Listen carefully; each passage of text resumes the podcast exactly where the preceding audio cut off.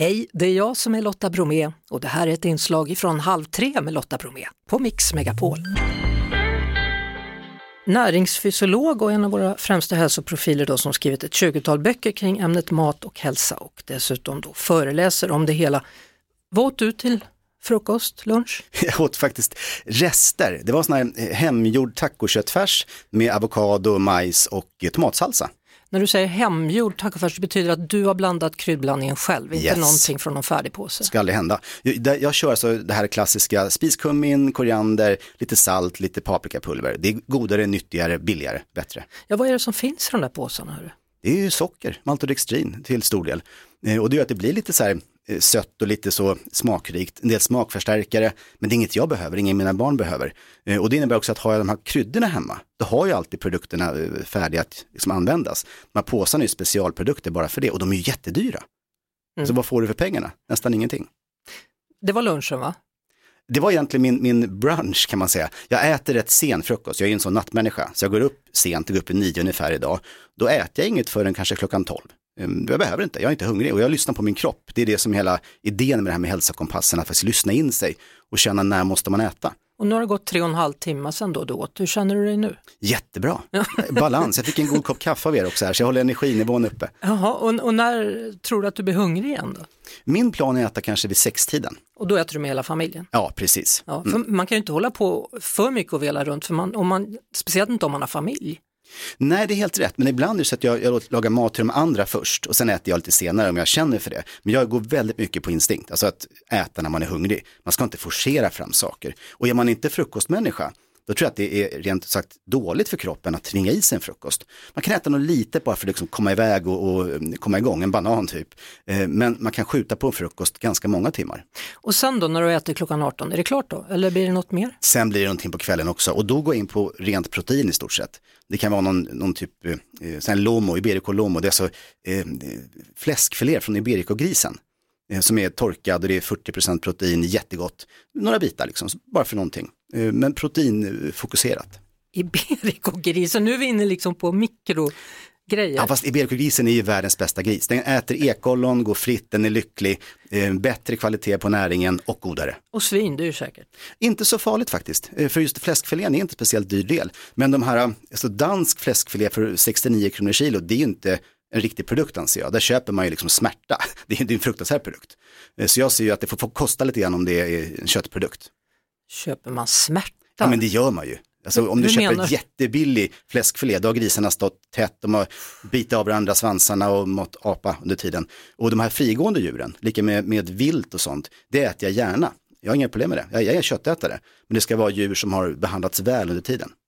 Och Iberico är en sån. Fick jag sån där bild, du vet, att man skär lite i den här danska fläskfilén och så börjar den bara pipa. Det, det, så tänker jag också och därför köper jag aldrig det. Jag tycker det är fruktansvärt. Ja, det är ju fruktansvärt. Mm. Förutom då att man ska tänka på vad man äter för att må bra och hålla vikten så kan ju maten också förebygga sjukdomar, förbättra minnet och öka prestationsförmågan. Mm, absolut. För att det, det vi äter blir ju våra byggstenar och vårt bränsle och allt som händer i kroppen. Så det, det är absolut sant. Och, och jag är ju väldigt intresserad av liksom, den holistiska biten. Ehm, och kost är en viktig vertikal här. Jag har ju pluggat i 30 år snart. Men sen är träningen viktig, eller aktivitet vill jag säga. För även att inte träna utan bara röra på sig har jättefina effekter. Sömn har vi pratat lite om och det är också viktigt. Men sen vill jag verkligen trycka på ljusets betydelse. Ja, det märker man nu du.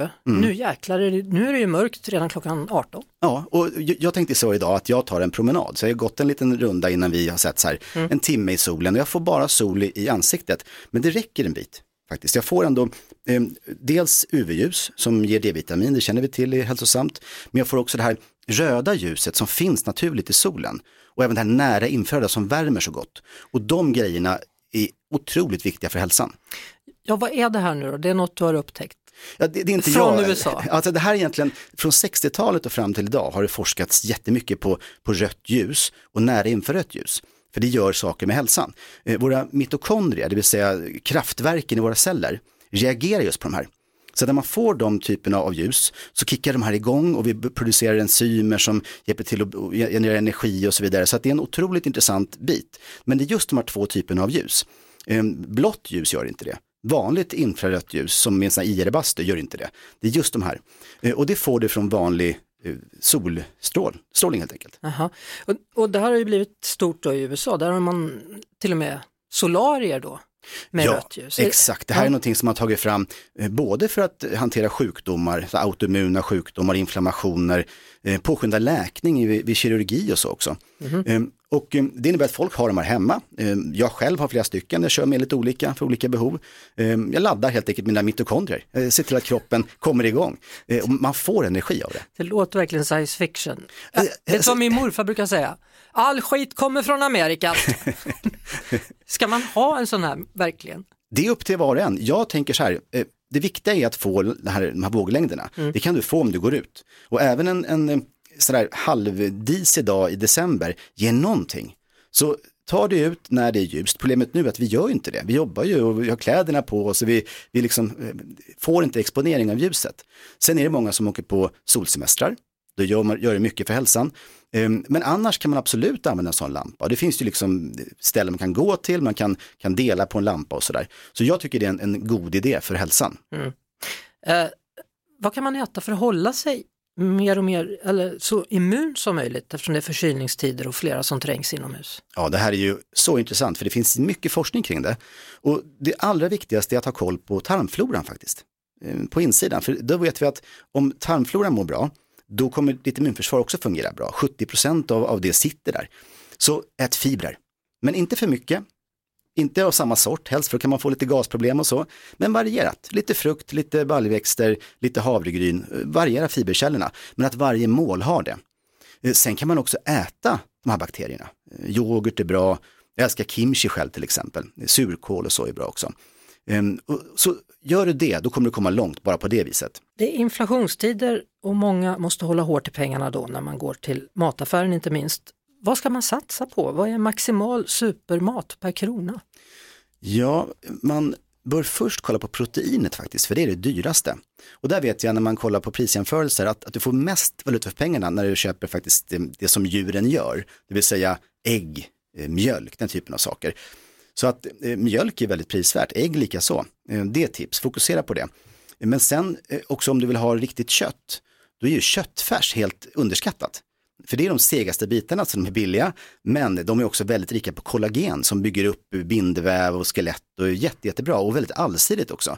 Och, och min den här eh, tacorätten som jag åt i, i morse, det var ju utan skal och sånt, utan det var bara med köttfärs och grönsaker. Det är ju på ekologisk köttfärs och då är det bättre fettkvalitet och så. Men, men kör du blandfärs, nötfärs eller fläskfärs? Jag kör nötfärs eh, och det är bara en smaksak egentligen. Eh, Lite mindre fett också än i fläskfärs och blandfärs, men jag tycker det är godare. Äter du någonsin falukorv med makaroner? Ehm, om man går tillbaks 30 år i tiden, då tror jag åt det faktiskt någon gång. Men jag tycker inte att det är, alltså det, det är inte mat för mig. Det är hittepåmat. Man har lite, lite kött, massa bindväv och massa fett och så säljer man det dyrt. Men stuvade makaroner, är inte det bra det? Det beror på hur du stuvar dem eh, och hur mycket du äter. Ehm, Jag har inget problem med pasta heller, så länge man äter rimliga mängder. Men de flesta borde skifta till mer protein och mindre kolhydrater. Det är det vanligaste problemet för många idag. Och då är ju just falukorv och makaroner, det är problemet, där, har du inget protein.